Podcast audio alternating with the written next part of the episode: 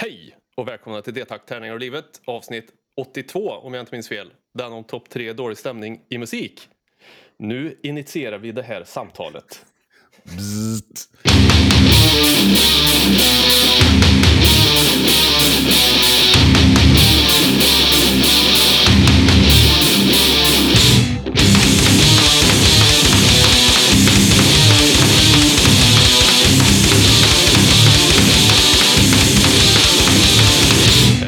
Här podden är sponsrad av Spelgeek.com som har frakttryck på ordrar över 600 kronor och Ofog och Motvalls, ett skivbolag för korta, snabba, arga låtar.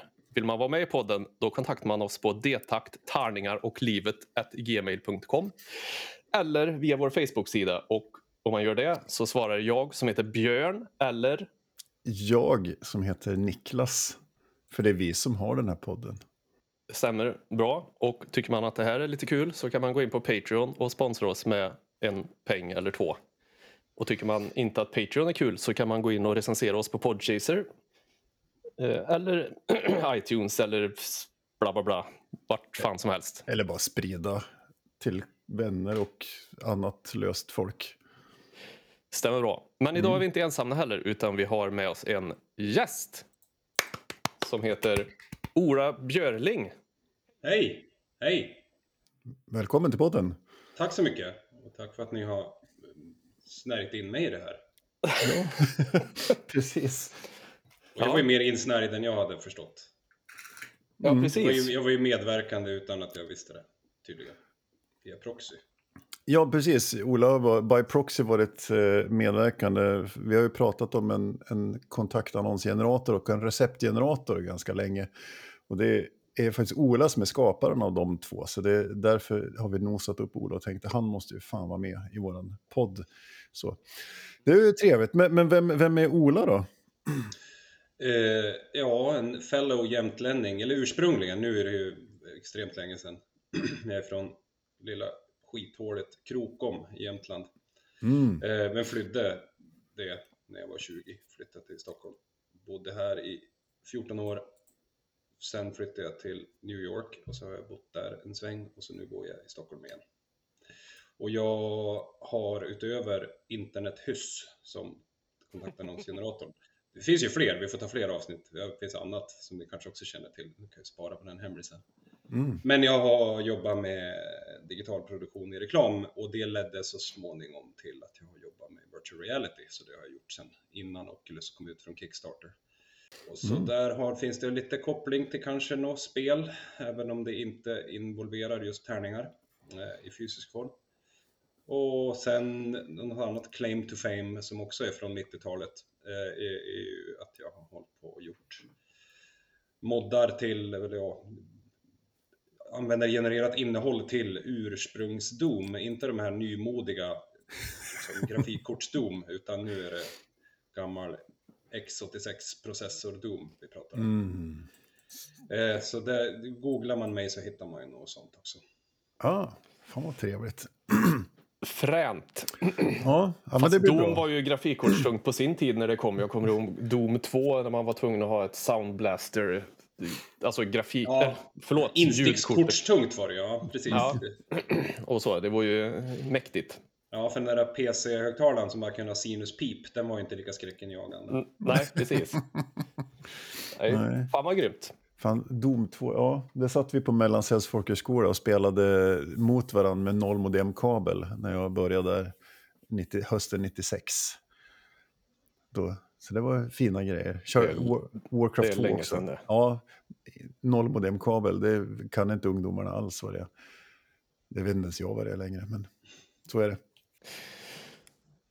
Så är det. Jag faktiskt eh, spelar ju otroligt mycket Doom också. Och eh, bara jag satt igår, tror jag det var, eller förrgår, någonting, så hittade jag ett program, eller en mjukvara, som heter eh, Sandronum. Är det något du känner igen? Ja, precis. Det är ju en, en, en portning av Doom-källkoden.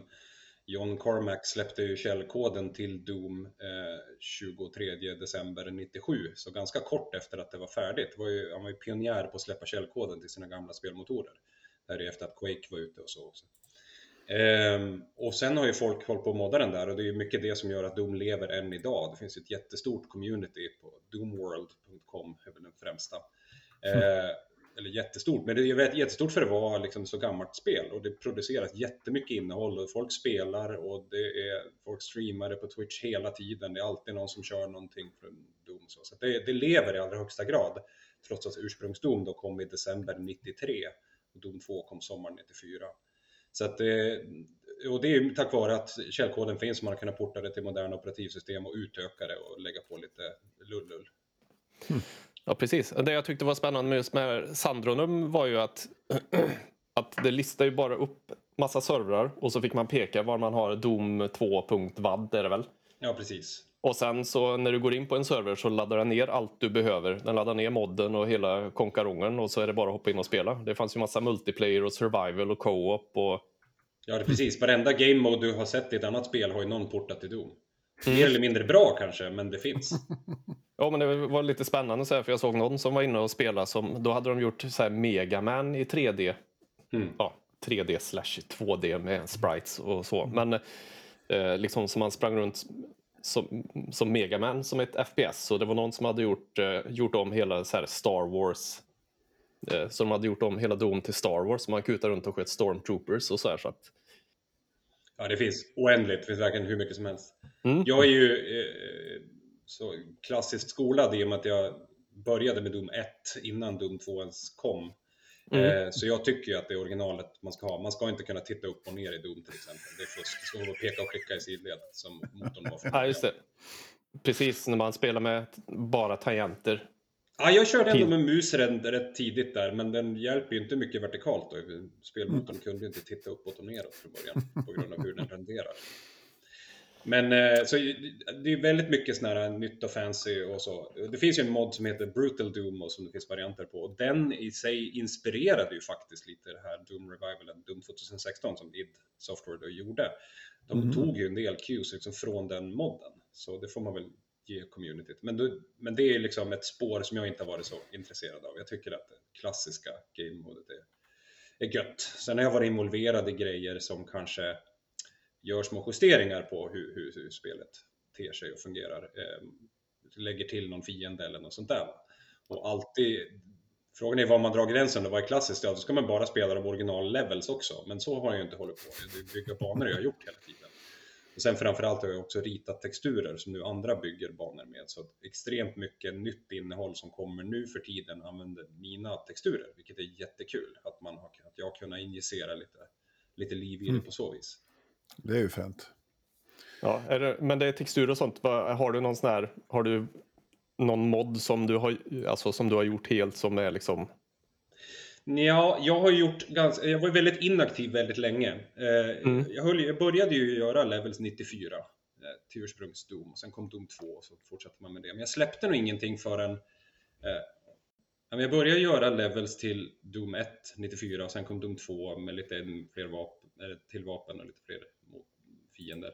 Eh, och, och, har väl alltid tyckt att det har varit kul med de där ursprungsgrejerna och Nej, men att vara väldigt aktiv där i mina tonår så var det ju väldigt kul att sitta och hålla på med det där. Men sen flyttade till Stockholm och fick jobb och det, det liksom hittade annat i livet och det var eh, förhållanden och så. Man hade liksom annat för sig om dagarna.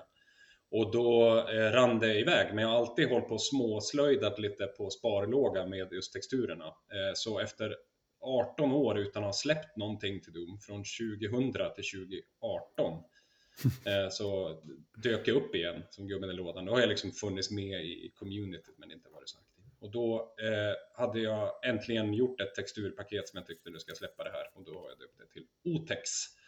O som är Ola och text för textures och så finns det ingen textur i original Doom som börjar på O. Allting måste, det är ju DOS-baserat från början så det är bara åtta tecken i namnet på varje. Så då har jag offrat den första bokstaven blir alltid O i mina så jag, om, använder man domtexturer och någonting börjar på O så är det förmodligen mitt.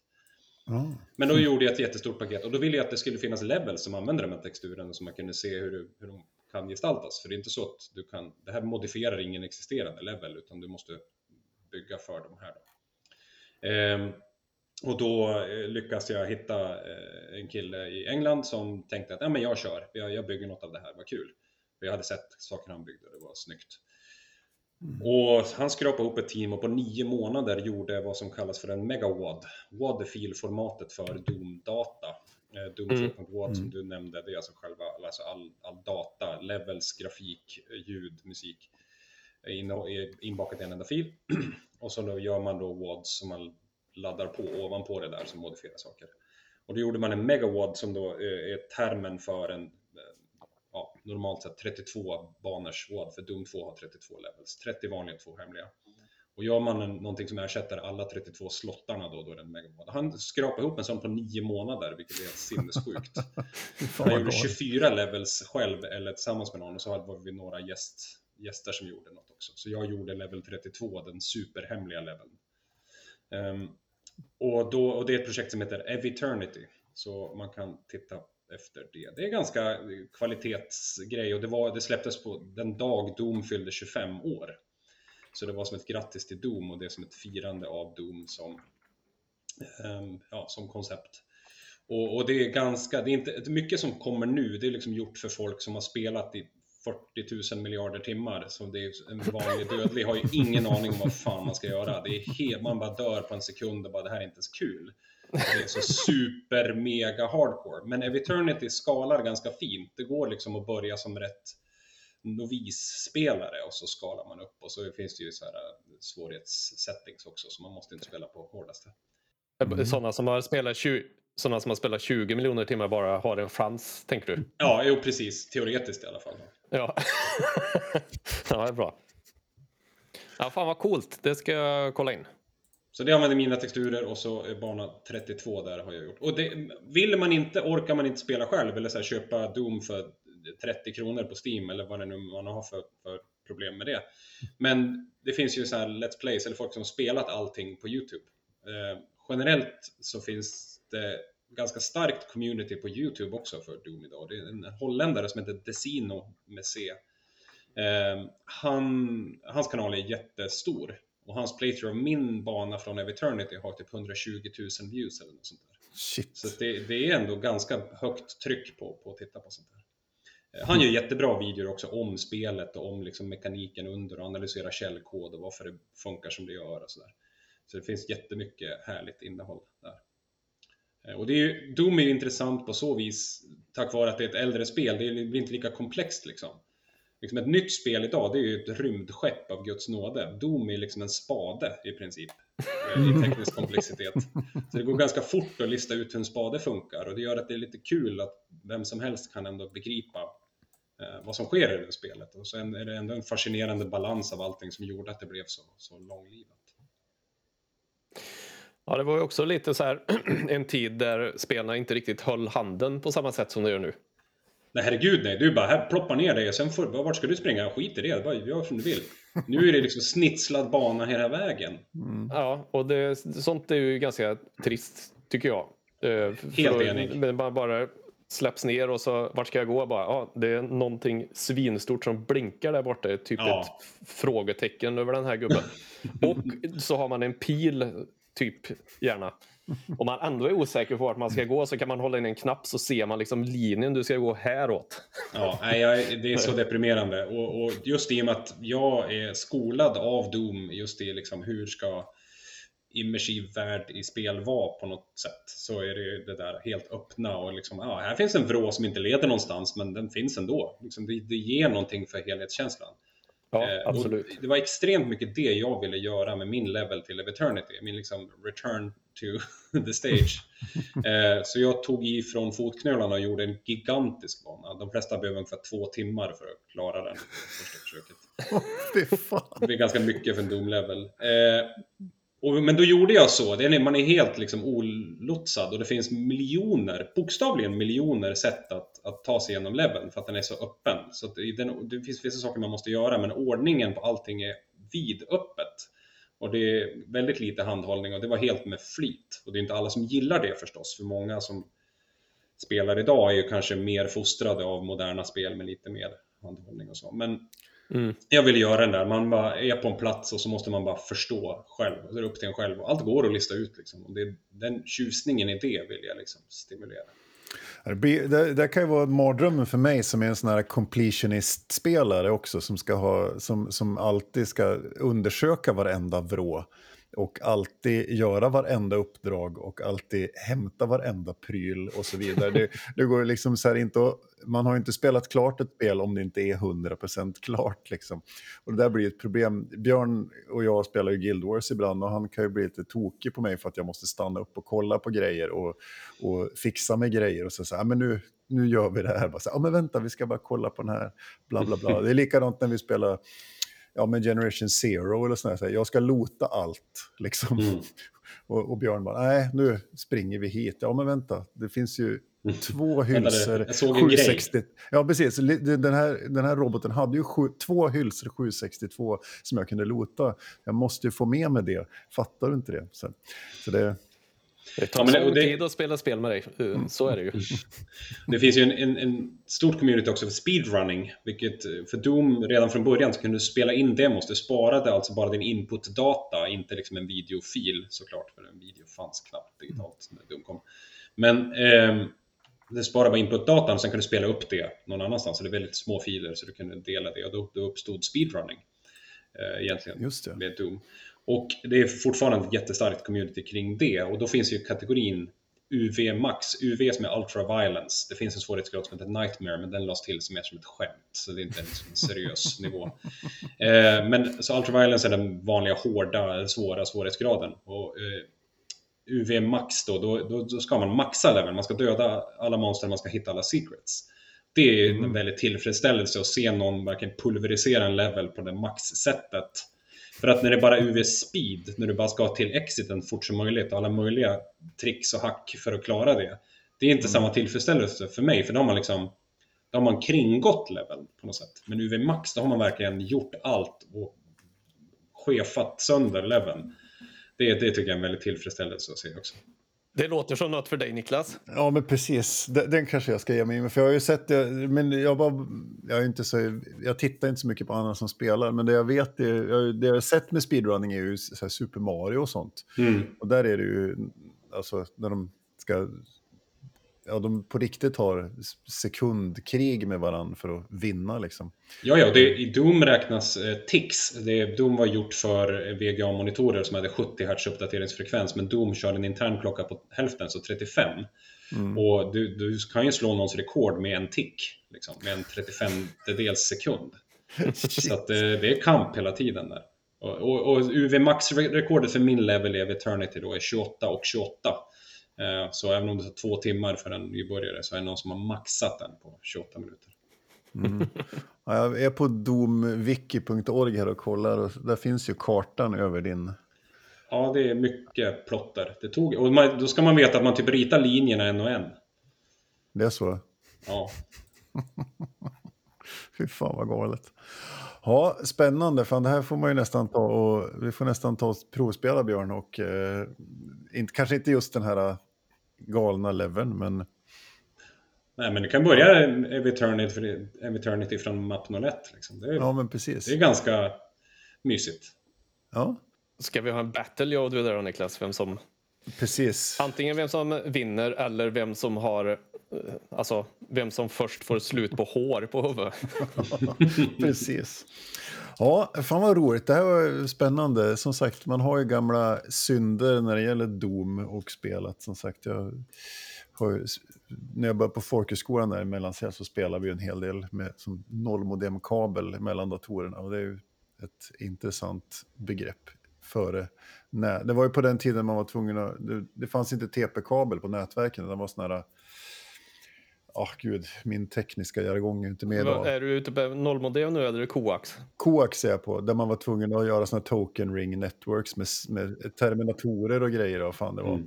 Så kan det vara, så kan det vara. Men vi, vi måste också hinna prata här om, eh, få, få, den, den stora berättelsen om eh, receptgeneratorn och kontaktannonsgeneratorn. Och som sagt, du pratade att du har gjort internethyss och det låter ju otroligt spännande, Ola. Mm -hmm. Men just den här eh, kontaktannonsgeneratorn och receptgeneratorn, det var ju Björn som kom ihåg, du, upp, du var den som introducerade för mig i alla fall. Ja, jag återupptäckte den ju för typ någon gång. Det var efter att vi hade börjat med podden. Det måste ha varit 2018, 2019 någonting. Men då hade vi ju suttit på mitt gamla, mitt gamla företag upptäckte jag den ju. Vi hade ju internetcafé och datorbutik och sånt där och då, alltså, sen är man ju internettroll liksom så man hänger ju, upptäcker ju en massa saker. Och då tror jag någonstans där så var det någon som hittade den där skiten och så, sen höll vi på i flera dagar och bara skickade de där till varandra fram och tillbaks.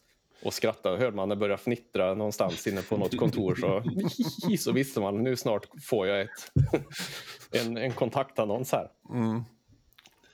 Ja, det här började på eh, IRC. Eh, IRC-klienten Mirk MIRC hade ett scriptspråk. Så man kunde skripta lite grejer. Det gjordes ju alla möjliga bottar och moddar till det. Och IRC det är någon sorts vevdrivet Discord för er ungdomar som lyssnar. Ja, Det är alltså någon sorts ursprungschattsystem. Det står för Internet Relay Chat och det är alltså ett protokoll på internet, precis som e-mail är ett protokoll och HTTP är ett protokoll. Men IRC är från 1988, så det här är old school. Eh, och den här klienten för Windows för, för IRC chatt eh, använde jag mycket och hemman hängde där och så började, var det en kompis som gjorde en liten grej bara. Han slumpade bara från två textfiler. Han upptäckte att man kunde läsa textfiler in i det här scriptspråket. Och då man kunde göra så här slash me och så gör man någonting och det tror jag fortfarande funkar på till exempel Slack och så. Det är ett, ett IRC-arv.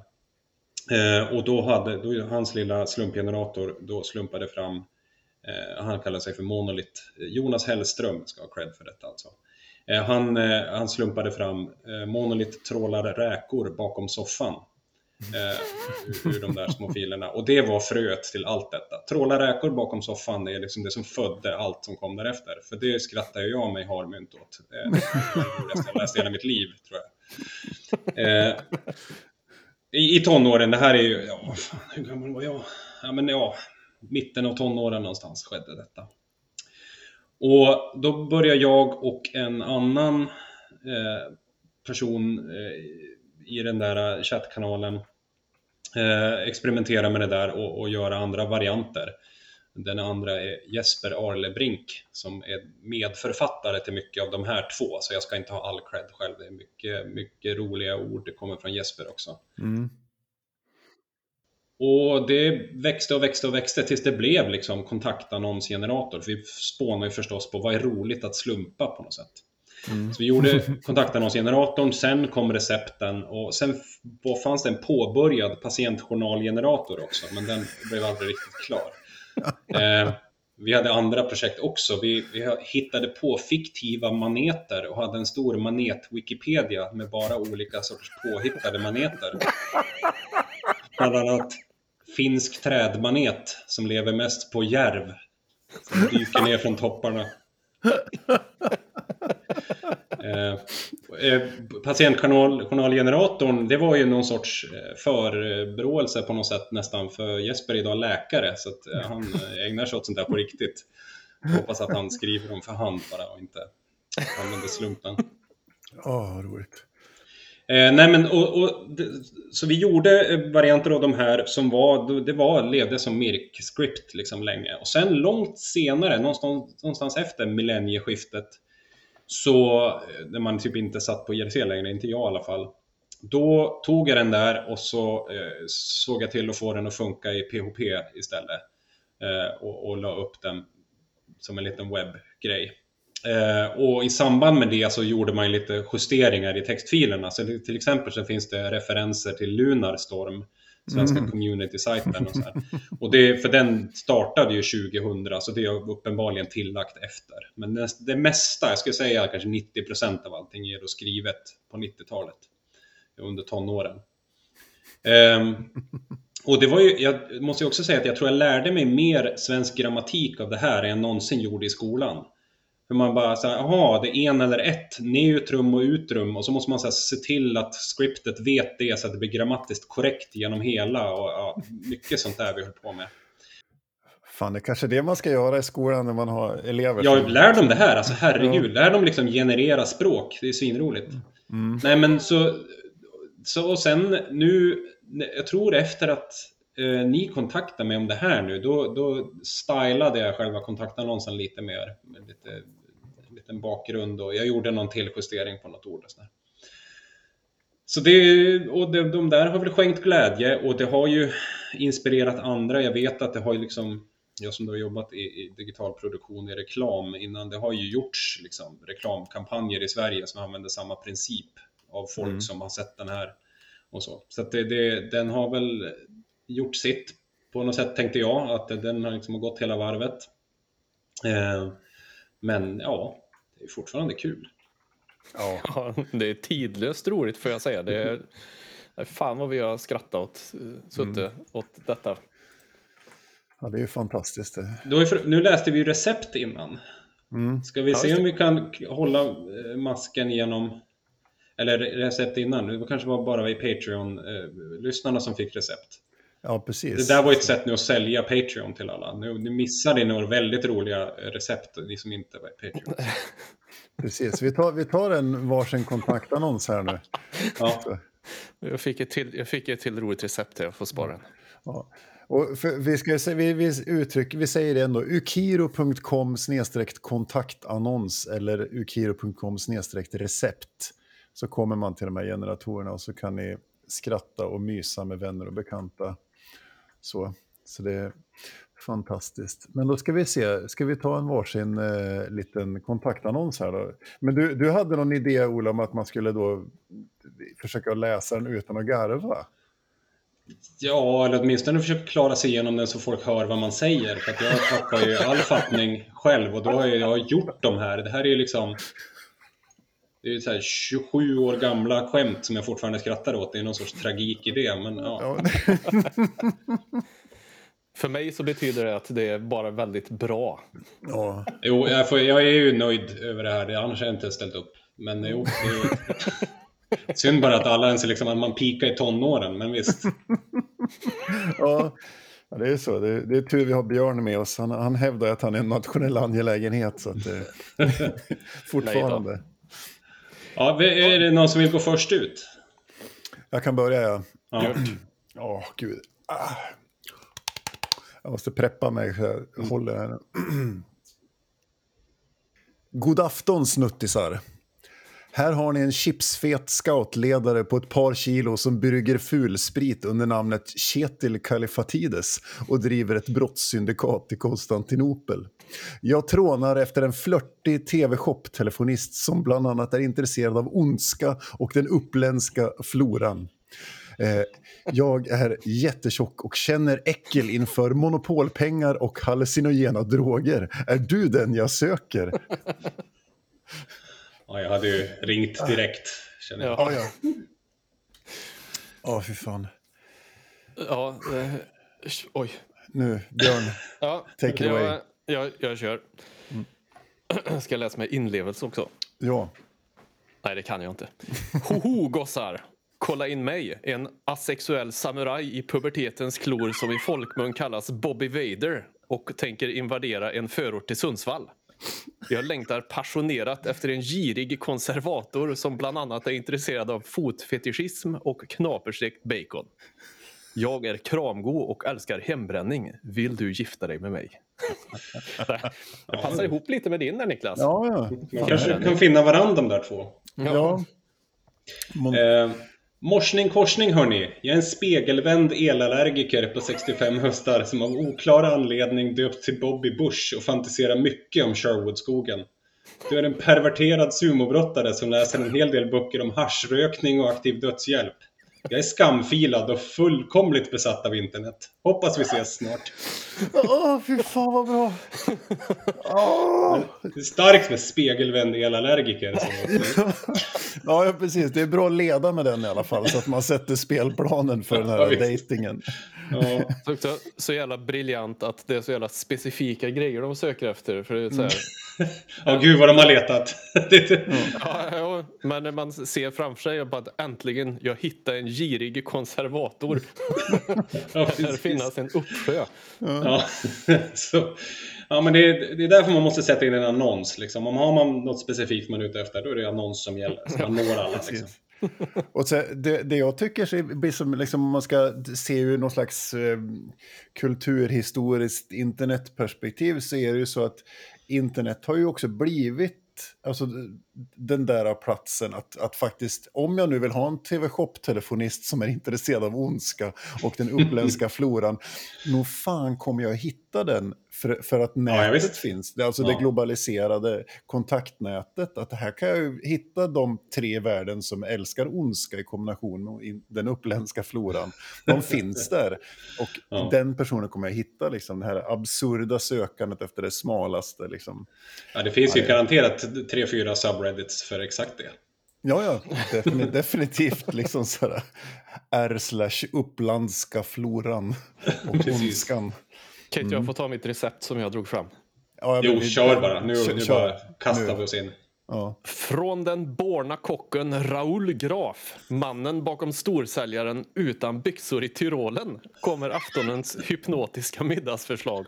Närmare bestämt en dallrande rostquesadilla bestående av bland annat boxit, linoleum och harmlösa schackpjäser som beströtts med nitroglycerin samt bärnsten och trendriktigt kokats i ett dragskåp tills den imploderat. Trevlig resa! vad är till skillnad från vad då för schackpjäser? Vad vi... ja. ja. De var harmlösa, det är tur att det var dem. Oh, ja, fy fan. Ja, då kommer ett recept från mig här också. Ja, ja. Från den fruktade Zeus och Lund, världens enda siamesiska trilling, kommer detta mättande middagstips. Närmare bestämt en fruktbaserad... Nej, fy fan, jag går inte. Ah, närmare bestämt en fruktbaserad spädbarnsfrikassé baserad, baserad på bland annat traktordiesel, vaniljsås och anestetiska sjögurkor som berikats med pepparkaksdeg samt stenskärvor och omsorgsfullt runnit av i en cementblandare i blott en sekund. Exotiskt värre. En spädbarnsfrikassé. Ah, där tog det slut. Oh, Världens enda siamesiska trilling. ja, det, det, måste väl jag också försöka ta mig igenom ja, ett recept med. Jag känner inte att det här kommer gå jättebra. Från Oberleutnant Sebastian Clements som låter hälsa att han är naken. Dagens andra luriga menyförslag. Närmare bestämt en universell vassle ratatouille bestående av bland annat lökpulver, kvicksilver och ljuskänsliga påskägg. Som kryddas med glas samt senapsgas och med pokeransikte fått soltorka mitt på dansgolvet till stanken blivit outhärdlig. Lyxigt så det förslår. Åh, oh, fy fan. Åh, oh, gud. Oh. Hjälp. Det rinner. Ja, det rinner. det är pollen. Vi skyller på det. Ja, precis. Det är pollen. Åh, oh, fy fan vad roligt. Ja, så kan det gå. Ja, ni förstår, kära lyssnare, att det här är någonting man kan pyssla med i all evighet. Liksom. Det... Ja, det, är, det här är anledningen att jag inte har några högskolepoäng. Jag blev fast i det.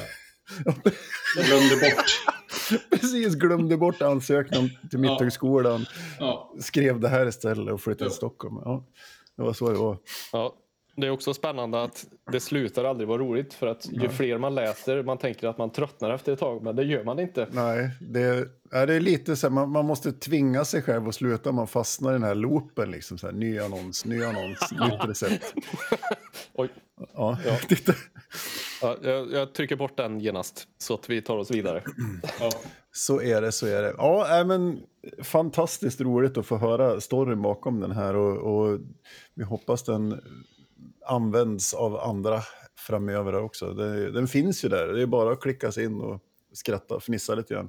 Humor är ju bra för jag livet. vill också att det slog mig att det hade varit väldigt kul om man tog två av de här två annonser och slumpa ihop en historia. Alltså typ som ett brev som de har skrivit när de träffar varandra. ja, just det. Ja. Just det, korrespondens. Ja. Men om man tränar någon sorts AI på de här så kan du nog hitta, odla upp en, en spännande gestalt. Ja, just det. Mm. det, kanske, det kanske är det du ska ägna resten av ditt liv åt. Ja, ja. När du ändå jobbar med AI så har det som sidoprojekt att bygga ihop det. För, för jag tänker också, här är ju jag ser framför mig, någon som har lite mer tid och ork än vad vi har skulle ju lugnt kunna starta en YouTube-kanal där de här personerna möts och spela upp berättelsen om deras första...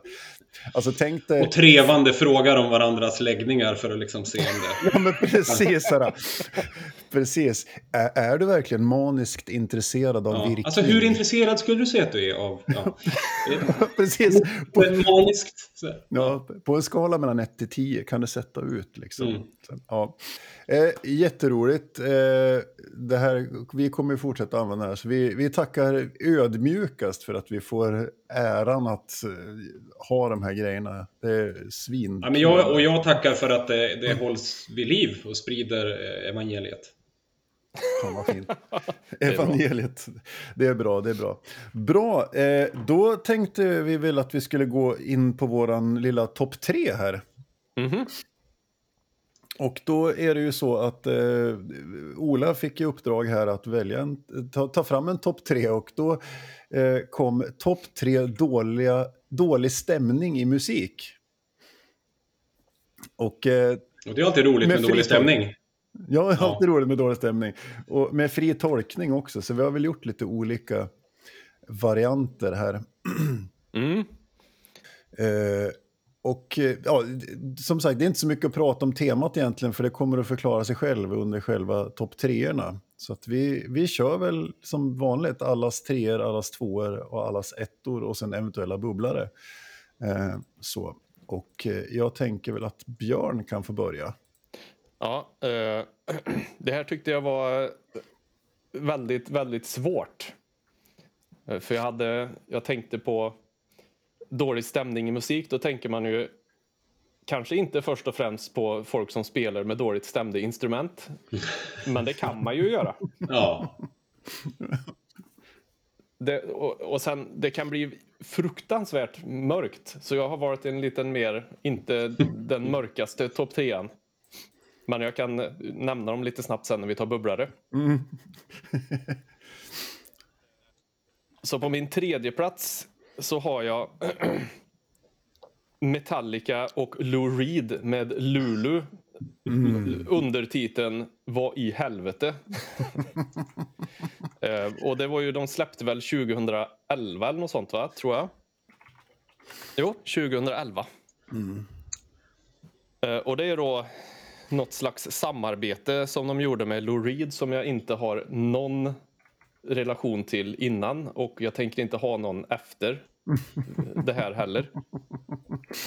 För Metallica var ju, lyssnar man ju på som fan för Det är ju klassiskt, eh, allt är jättebra fram tills till och med Black Album och sen börjar de sväva iväg och vi ska inte gå in på virvelljud och så vidare. Mm. Men, men hur tänkte de här, tänker jag. Uh, och man läser lite om det här. Jag har suttit och kollat lite på Loudwire här till exempel. Läst om det här. Uh, Lars Ulrik uh, säger Turning your back on structure, you're opening to a world of possibilities. Bara, jo, det kan man väl säga. Men vad blev det av det hela? Jag har inte, jag har inte ens orkat lyssna igenom en låt på det där för det är så kopiöst värdelöst. Ja, det, den är ju legendarisk, i, framförallt i hårdrockskretsar är den nu uthängd å det grövsta i alla, alla led. Samtidigt så måste jag väl ge dem en eloge för att de faktiskt försökte göra något annorlunda, kanske? Ja, om det. Ja, men, men paletten för annorlunda är ju stor. Eh, ja. Jo, det är ju synd bara alternativen, alternativen bland icke-Metallica är ju många. Och de ja, valde ju ett. De, de ja. har ju faktiskt gjort, de, de gjorde ju på, det var någon sån här gala där de körde tillsammans med Lady Gaga och då är det ju svinbra helt plötsligt. Då är det ju hur bra som helst, så de kunde ju ha valt någon... Och sen Lou Reed ska ju, ska ju också ha cred för att han gjorde ju massa coolt så musikkonkret grejer och liksom tidig experiment ljudkonstgrejer och sådär. Så han har ju liksom mm. en legitim plats i musikhistorien. Sen kanske ja, det var lite överspelat vid det här laget. Och det har ju Metallica också. Det får man ju, alltså, all cred ja, där. Ja. Men det är just det här, det känns som... Nej, jag vet inte. Det finns ingenting här. Jag vet inte, om man skulle ta bort sången kanske och köra instrumentalt så kanske det eventuellt skulle fungera, men jag är skeptisk. Så är det. Av förklarliga skäl spelar vi inte någonting av detta, eller? Nej, nej det tycker jag vi kan hoppa får, över. Man får lyssna själva. Det, det får någon slags balans i dålig stämning, känner jag. Ja, så det var på Ja. min eh, tredje plats eh, Metallica och Lou Reeds Lulu. På min tredje plats kommer någonting purfärskt som vi inte heller ska spela i podden. Eh, lagom till i fredags, före vi spelar in det här avsnittet, så sätter jag mig på mitt internet och ska titta och bli glad, tänker jag. Och då får jag reda på att eh, E-Types hårdrocksband Dampf har släppt en singel till sitt kommande album. Eh, och efter cirka 42 sekunder så stänger jag av detta avskräde och detta bottennapp i musikhistorien. Eh, E-Type också, alltså all legitimitet musikaliskt. Han har spelat trummor i Hex, vad heter de, Hexenhouse, eller vad fan hette på 80-talet. Någon som hade släppt en skiva med samma, samma framsida som Morbid Angels Blessed Are The Sick för övrigt, för den som är väldigt intresserad. Men det här nya projektet var fruktansvärt på riktigt. Och sen som riktigt för att driva in spiken i mitt hjärta så släpper ju också Gävle Metal att de har bokat Dampf. Eh, dit jag har väntat på att få åka nu i två år. Och ska äntligen få åka dit och se en tom, då massa grejer. Nej, men då kommer också Dampf. Och alltså att döpa ett band till Dampf. Ja, så, så att det, det är på min plats nummer tre. Eh, det, det, blev, det blev helt enkelt dålig stämning här hemma. Eh, både jag och sambon gick i affekt. Och ja, så var den fredagen över. Det var ju kul, tack. E-Type. Jag som inte har lyssnat på det här då, och kanske inte ska lyssna heller efter vad det låter. Är det någon slags eurodisco metal eller vad är det som händer? Det är helt korrekt. Det är som en valfri E-Type-låt, bara att man har lagt på distade gitarrer, spelat in en video nere i källaren på hans, den här vikingarestaurangen i Gamla stan, eh, lagt på lite jättekonstigt smink i ansiktet. Och så är det en kille med och growlar, men för att inte skrämma bort Eurodisco-fansen så har man mixat ner honom så väldigt mycket så att han hörs bara så här i bakgrunden. För ingen, ja, nej. Så, med med eh, fara för eget liv så lyssnar man på den. Så, Ja, tack. jag, tyvärr så vart jag ju lite nyfiken nu så jag får nog ta den här sen. Det där var det som, som att du var en... Ja, men det, det låter ju som en pressrelease-generator det här. Du skulle kunna göra pressreleaser till dålig musik. Där har vi nästa tema. Och titta, där har ju du fått en bra idé till nästa här. Fan, göra pre- pressli... Nu ser Ola antecknar här ser jag nu. Bara, bara. Ja, det var min nummer tre i alla fall. Eh, Dampfs nya singel. Eh, vad har du på plats tre, Ola? Ja, jag tolkade mitt eget ämne väldigt eh, bokstavstroget och tänkte att jag ska välja musik, alltså enskilda låtar som har dålig stämning men där det inte är baserat på liksom ljudeffekter eller produktionstrick nödvändigtvis utan det, komposition och arrangemang ska liksom frambringa någon sorts misär. Ehm, och jag har ju en liten fot i liksom lite metalvärlden och vi kommer dit högre upp på listan men jag har ju också en eh, ansenlig samling av eh, någon sorts batik-dunka-dunka eh, goa trance-grejer. Eh, jag har ja, 90-talsstuk igen, jag var fast i 90-talet på många sätt här. Doom och goa trance. Och jag har DJ sånt och, och sådär och ägna mig åt. Så jag ska DJ sånt snart igen i Belgien. Ska de frakta mig till för att jag ska föra oväsen. Trevligt. Men då, och då finns det, och det är ju liksom någon sorts eh, schlager-rave när det är som snällast och det är kvittrigt och liksom lager av harmonier och grejer.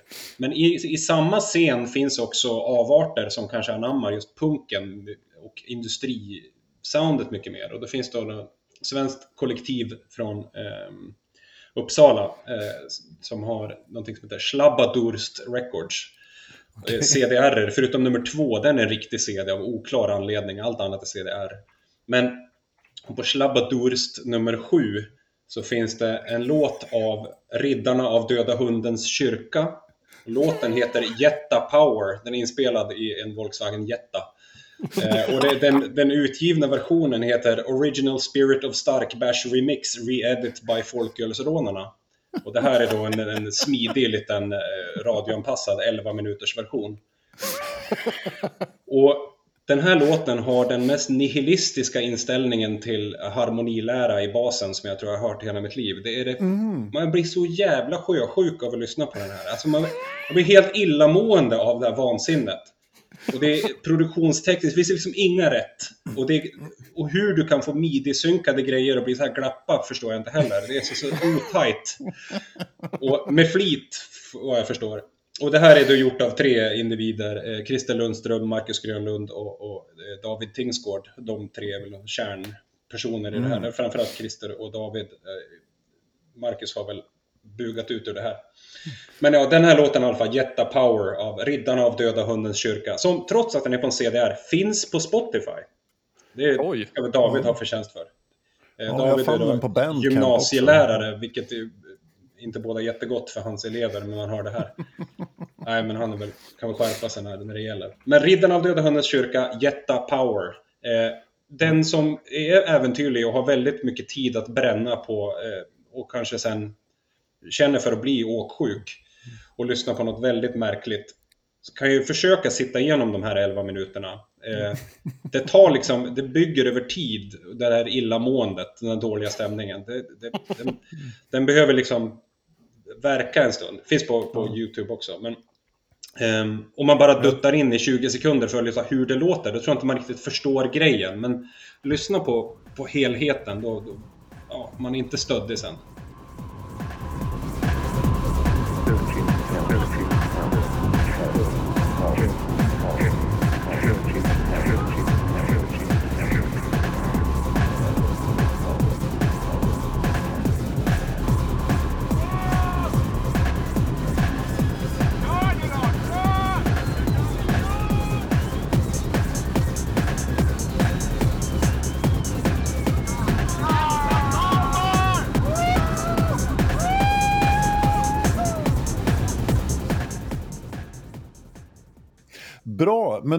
hoppar vi vidare. Eh, då kommer vi till min nummer två.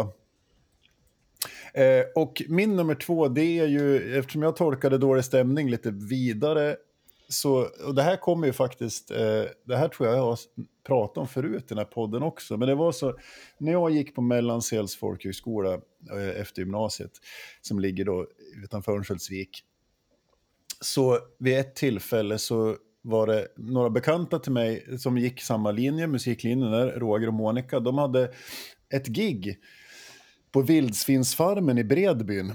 Eh, på, Klassisk scen. på klassisk scen. Så, där de, där de hade, och då han spel, Roger spelade gitarr och Monica sjöng och så körde de jazzstandards. Liksom. Det var så jättefint och mysigt. Eh, men sen blev någon av dem sjuk tror jag, så de var tvungna att ställa in. Och då liksom frågade de, och då spelade vi någon slags ensemble där jag spelade bas och så var det trummor, gitarr, någon saxofon och en sångare liksom, som tänkte att kan inte ni ta det här gigget åt oss? Så att, ja, för fan, det kan vi göra. Det var ju betalt och grejer, så vi var ju svinnöjda. Så vi åker upp här och då är det någon slags företagsfest där, eh, lagom stel företagsfest på vildsvinsfarmen i Bredbyn med middag och dricka. Liksom så. Och vi ska först rigga upp då, och de hade ju tänkt sig att det kom två stycken välkammade jazzfriller som sitter på varsin barstol och myser. Liksom. Och där börjar vi råda in trumset, basstärkare, gitarrstärk och sånt där. Så vi får liksom ett hörn i den här restaurangen där vi ställer en PA-högtalare bakom trummisen och så får vi skala ner hans trumset till så här kagge, virvel, hi-hat och en ride liksom, och kanske en crash. Och sen ska vi försöka klämma ihop oss runt det där trumsetet. Och, och, men det, det funkar och han är väl ganska nöjd, han som anordnar det här. Och sen så börjar den här middagen och så ska vi börja spela liksom. Och så är det här klassiska när vi börjar spela. Vi spelar visserligen standards liksom, men det var lite mer volym och inte lika gulligt som det var tänkt då med Roger och Monica. Så att när vi börjar spela så är det här klassiska att samtalsvolymen höjs i rummet för att överrösta musiken. Så. Och, och, och, efter varje låt så är det bara han som har bokat oss som applåderar. Alla andra sitter liksom och skruvar på oss och väntar på att vi ska bli klara på något vis. Och det här är ju liksom, det här är dålig stämning på riktigt kände jag. För jag, man känner så obehag när man står där på scen och känner, fy fan vad oönskade vi är här. För varje låt så säger ja och nu kommer As time goes by liksom. Och så börjar man en, två, tre, fyra, tjing, tjicka, tjing. Och så börjar alla prata starkare och starkare för att överrösta oss liksom. Och, och så är det klart och så är det bara han som har bokat oss som sitter och applåderar ensam och tittar argt på sina kollegor så här. Nu, nu måste vi uppskatta det här. Ja. Så det, det är min nummer två på, på dålig stämning i musik. Ja. Så. Fan vilken, vilket hemskt läge. Ja, ja, så är det. Ja, Björn, vad har du på nummer två då? Ja, jag har också, eh, också, jag har också en sån här eh, eh, personlig upplevelse, fast av det lite mer esoteriska slaget. Kan jag säga. För jag har ju hyfsat ofta så har jag så här, mardrömmar inom citationstecken. Att jag är på en eh, spelning någonstans och så ska jag spela trummor för ett stort band som vikarierande trummis. Det känns igen kanske. Jag har vickat några gånger. Men det är till ett stort band som har jättemycket publik eh, och jag har aldrig hört låtarna eller aldrig varit med och repa eller någonting. Och så går man bak och så sätter man sig där. Eh, Och så kan man ingenting. Eh, Och så vaknar jag och så har jag alltid, då är det dålig stämning när jag vaknar där. Fast samtidigt lite bra för att eh, det var bara en dröm. Fan vad läskigt. Men, men det är, liksom, är det en återkommande mardröm där du har? Eller? Eh, ja. Ofta på Vixsermon också av någon anledning. Fast, fast med jättepublik.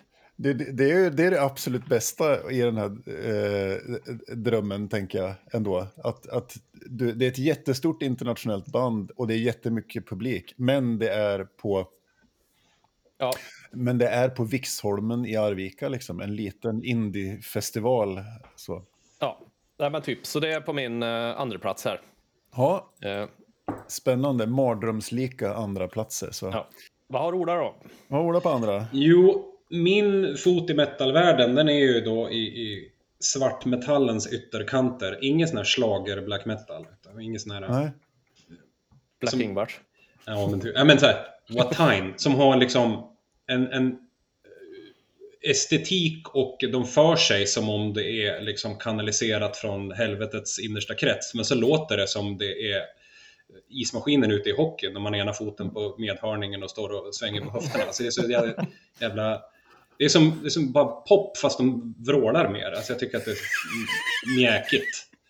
Man måste ta i lite. Så jag tänkte att jag ska slå ett slag för black metal som är farlig på riktigt. Alltså rock har ju försökt vara farlig sen vadå, 60-talet. Och vara Mm. lite chockande och lite sådär. Och hur länge kan den vara det? Alltså någonstans måste ju batterierna ta slut i det där, tänker man. Ja. Eh, så det finns ju då vissa då som fortfarande kan eh, odla upp lite, eh, lite otrygg stämning i musik. Och nu igen då, tar man bara på ljudbild och liksom, tänk en vokalist som låter som en skadeskjuten duva, det kan vara obehagligt. Och de finns Ja. ju gott om i black metal. Men eh, då tänkte jag någonting som faktiskt med liksom komposition och arrangemang lyckas alstra ganska otrygg stämning. Och det finns säkert en miljon exempel som är bättre. Men eh, franska bandet med tyskt namn, Blut aus Nord, eh, som kommer med ny skiva nu i dagarna, eller släpptes en första låt från en ny. Men det här, så det här är den tredje senaste då. Eh, Deus salutis meae. Det ska ju heta Mm. något på latin förstås om det ska vara på riktigt. Låt två där kan man börja med. Korea Macabeorum. Fan, jävla titlar. Skitsamma. Det kan ju någon få klippa in. Det är ju bara liksom rent komposition, eh, hur det är, är bara tonalt, harmoniskt så är det liksom rätt otrygg stämning i den tycker jag på ett, på ett Mm. väldigt eh, fint sätt. Ja, men de har liksom lyckats och lyckas ofta. Eh, annars är det mycket så här, det låter som man har liksom dåligt uppmickat dammsugare i ett garage och så är det en arg skrivmaskin på trummorna och så. Det är mycket så i black metal och det kan ju ha sin charm. Men när, det, när någon tar i och försöker använda mediet för att liksom riktigt göra någonting otrevligt, då, då kan man hamna där.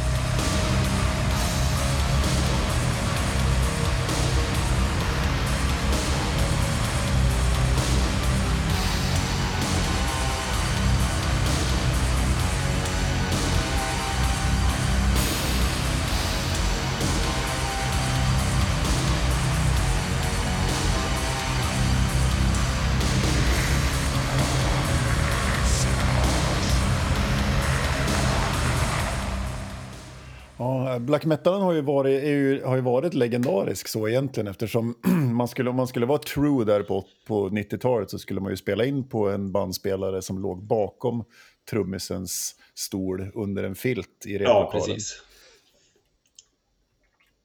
Men ja, den där, den där tycker jag känns eh, som en, en representant. Om någon är ute efter hur, hur liksom, otrygg kan black metal låta idag så kan man lyssna på den här. Fint.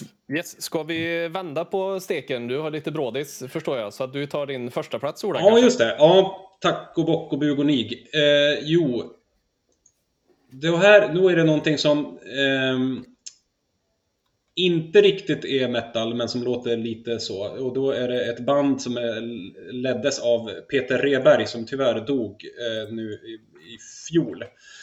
I juli 21. Eh, och det bandet heter Peter Licker. Såklart, man ska Mm. slicka på honom då. Och då finns det en skiva, de har bara en, en skiva, en kassett har de gett ut som Peter Licker. Och då, skivan heter Nicht, utgiven på Editions Mego som är en sån här konstmusikbolag.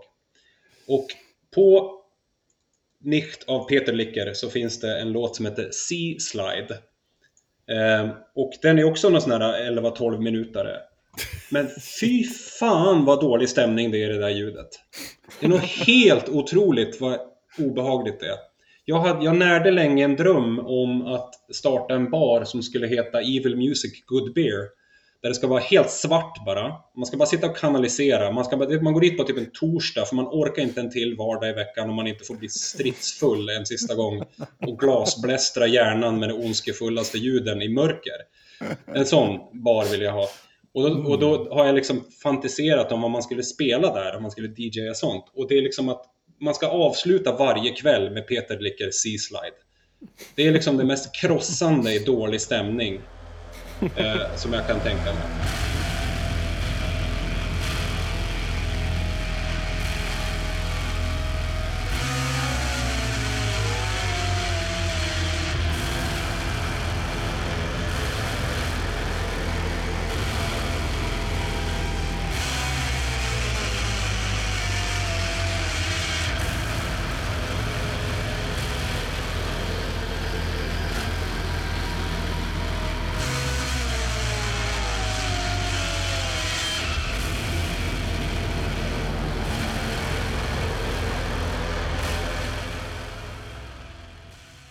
Och sen, eh, jag gör så här också, i, i, eftersom jag måste löpa. Eh, Jag lämnar en bubblare med er här också.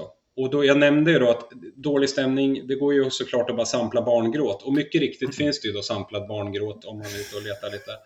Eh, via, eh, och det här är också knyta cirkeln lite, eller två cirkelknutningar. Förra veckan så nämnde ni Alien Hand Syndrome och en av medlemmarna i Riddarna av Döda Hundens kyrka, Christer Lundström, släpper också musik som Alien Hand Syndrome. Så där har vi en koppling. Mm. Och eh, Jesper Arlebrink som har varit med och gjort de här eh, kontaktannonsgeneratorn och receptgeneratorn, han tipsade mig om eh, skivan eh, The Puzzled Truth av Subexplored. Det är alltså nå belgare som han hade en massa skivor av som är helt knäppa i huvudet. Och det finns det på den här som är på Reload Limited på någon genomskinlig vinyl, eh, obskyrt skivbolag. Eh, så finns det en låt som heter Childhood's Nightmare of a Baby Keyboard. Den är bara 2,20 lång, så den kan man ju kanske orka igenom tänker man. Icke. Försök bara. Det är så jävla tråkigt, eh, tråkig stämning i den där.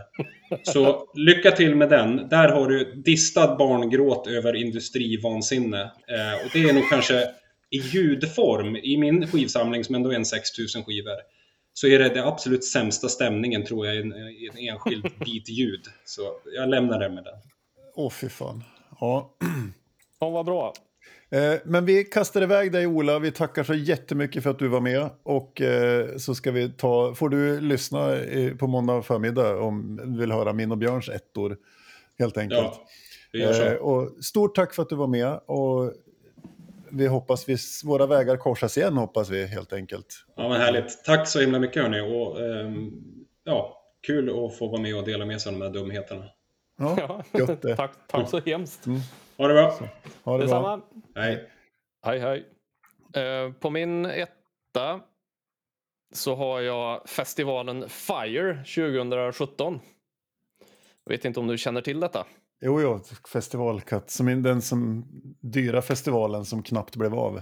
Ja, den blev inte av alls tror jag. Nej, precis. Eh, Det var ju på någon ö i Bahamas där det var Ja Rule och någon mer eh, sån här con-artist som eh, drog ihop massa eh, biljetter. Det kostade så här 100 000 dollar och så här, men man blev lovad ett, en festival där man fick bo i lyx och flärd. Eh, Men ingen av dem de hade sagt att de hade bokat kom ju.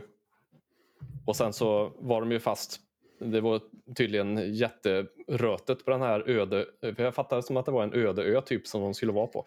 Ja, men då, då, då skulle ju, det fanns ju inga faciliteter, inget to vatten, toaletter, någonting överhuvudtaget. Utan det var ju...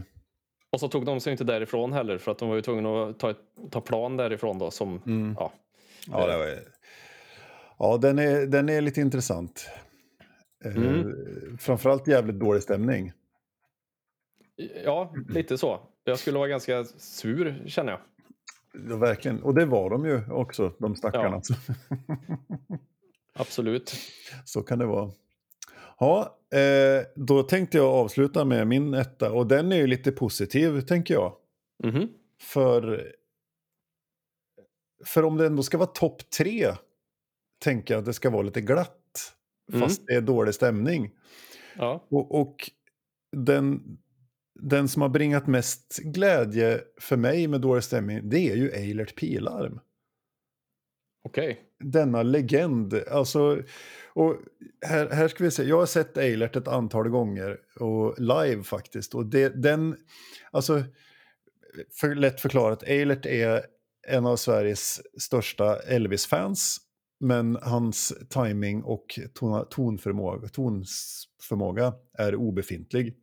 I paritet med Gunnar Bunker skulle jag säga. Ja, men lite så. Ja. Eh, så. Men när, efter att ha sett Eilert live ett antal gånger, så det som är grejen med Eilert, det är ju att man, man, när man ser honom live, man skrattar åt honom på skiva, men man ser honom live så fascineras man över hans obestridliga kärlek till Elvis. Att han gör det här och den här glädjen som han ändå utstrålar när han gör det. Så, att, så det blir ändå, man går ändå därifrån med liksom en, en varm känsla i kroppen liksom på något vis. Det är jättekonstigt, men eh, ja, jag, jag är väldigt fascinerad av Eilert just, att han är, så, Mm. han är så glad över det han gör. Eh, men det låter ju helvete av det han sjunger, och det, men det är ju fantastiskt roligt att lyssna på. Så min etta är helt enkelt Eilert Pilarm.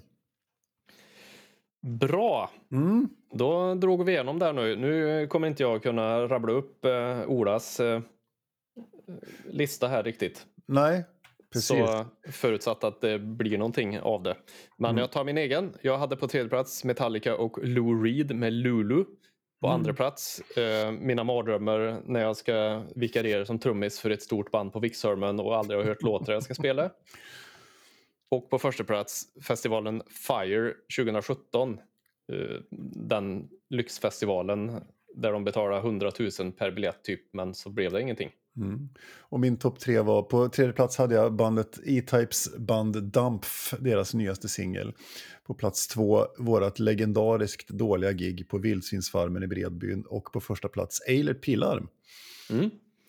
Eh, bubblare här då. Oj, det Det finns ju... kunde, ju- det kunde, jag kan ta mina här nu för Mm. någon tänker jag inte gå in på supermycket för det är bara tragiskt. Men eh, dels så har vi ju den klassiska som man tänker på är ju Chopins Funeral March. Den är ju ofta kopplad med dålig stämning eftersom den spelas vid begravningar mest. Ja. Lite så här, inte nödvändigtvis dålig stämning men sorg i alla fall. Ja. Eh, och sen så är jag inne lite på samma som du har där med Eilert Pilarm. Då, men då är det när Dead by April är med på Allsång på Skansen och sjunger Kalle på Spången. Tycker jag är väldigt roligt men hyfsat kass stämning tänker jag. Ja, ja. Sen har vi ju också Woodstock 99. ja, det är ju också dålig stämning. Där det blev riots och rapes och allting och allt eh, skylls på Limp Bizkit. Mm. Eh, och Fred Durst kanske i synnerhet. Ja, nej, det finns, det finns mycket. Jag, vet inte, jag fick så mycket idéer här av, av Olas lista också. Så att, eh, Mm. eh, alltså all black metal som, som jag nämnde till som var true och inspelad på små bandspelare. Jag kommer ihåg, vi var med med mitt dödsmetallband Harassed som jag spelade med i Östersund på 90-talet. Så var vi med på en Mm. samlingsskiva. Och alla andra på den här skivan var ju sådana black metal-band. Som, så jag var så förbannad för att de hade så jävla dåligt ljud. Det var helt för mig obegripligt hur man kunde liksom stolt stå bakom någonting som lät så jävla illa. Mhm. Eh, rent ljudmässigt. Sen, men jag vet ju inte om låtarna var bra, för det hördes ju inte. Så att, just eh, men ändå lägger man tusenlappar på att vara med på Appointment with Fear volym 3. Liksom samlings-CD. Så. Black metal överlag bygger väl lite på dålig stämning. Ja, ja, Hela så är det. genren. Hela genren bygger det. Ja. Och de är också, apropå nazister så finns det ju tyvärr kopplingar till vissa band. Ja. Sån nasse black metal också. Så det, ja, men men, så kan det vara. Eh, Med det så är vi klara för idag. ja, Trevligt. Eh, stort tack till Ola som sagt eh, för hans medverkande. Och så ja, får vi se vad som händer. Vi syns väl om två veckor kanske. men det hoppas vi hör av er. Om ni, vad, meddela oss. Vad, vad, tycker ni är dålig stämning i musik? Ja. Det blir fint. Ha det gött. Ha det gött. Hej. Hej.